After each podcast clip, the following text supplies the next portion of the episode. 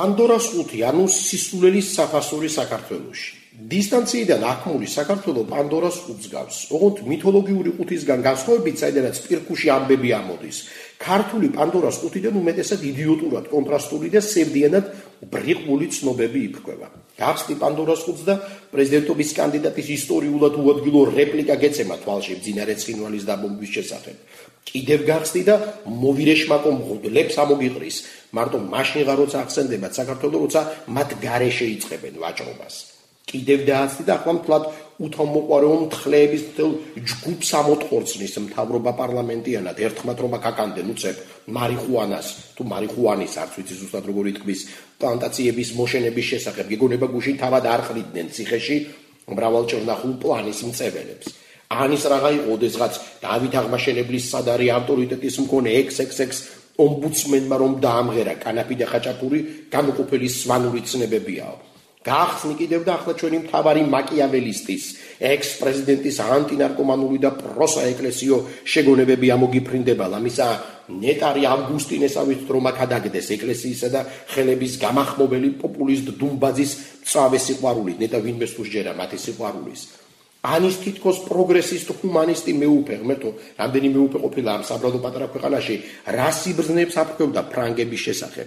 სხვანაირს კი არაფერს ამბობენ ქართული მარშის პასპეტები, ქსენოფობია, ქსენოფობია, კიდე ირანელებზე ილაპარაკე და კიდე ფრანგებზე.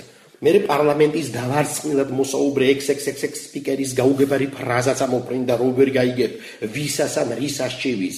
და სულ იმას კი გაფიქრებს, რომ საუკეთესო გამოსვლა მაინც ის კონდა რუსეთთან ჩანგლებით ბრძოლისკენ რომ მოუწოდებდა ქართველებს. და მაინც მთავარი სისულელე პრეზიდენტობის ქალი კანდიდატისგან ამოხტის, როგორც აც ასევე ძველად თქმული. მე ყოველ შემთხვევაში ახლა გამნახე თურმე რანეტარად იხსენიებს RSFSR-ის საგარეო საქმეთა მინისტრ ლავროს, ხო და რათა შვილო რათა ეს იგივეა რიბენტროპი რომ მოწონებოდა პოლონელ, ესტონელ, ებრაელ დიპლომატს. ეს ბატონი ლავროვი კი სხვა კი არაფერი ამ ქვეყნისა და თუნდაც დანარჩენი მსოფლიოსათვის. ხო, ეს ადრე უთქვამს, მაგრამ სიტყვებს სხვანაირი წონა ეძლევათ და სხვანაირადაც ეშინიათ ამ სიტყვებისა თუ განწყობის, როცა პრეტენზიას აცხადებ ქვეყნის მთავარ და რა სიმბოლურ, როგორც ეს ზოგ-ზოგი ერთებს უნდათ, ინსტიტუციად გწევაზე. ან რა პრეზიდენტის კანდიდატის გასარჩევია ისტორიული დეტალები, როცა საქმე ქვეყნის დამოუკიდებლობისათვის ისტორიულ ბრძოლას ეხება. ისტორია ისტორიკოსებმა, მწერლებმა, ჟურნალისტებმა და სწორედ ხო ანალისტებმა უნდა იკვლიონ. პრეზიდენტი კი ერთმნიშვნელოვნად თავისი ქვეყნის პოზიციას უნდა გამოხატავდეს.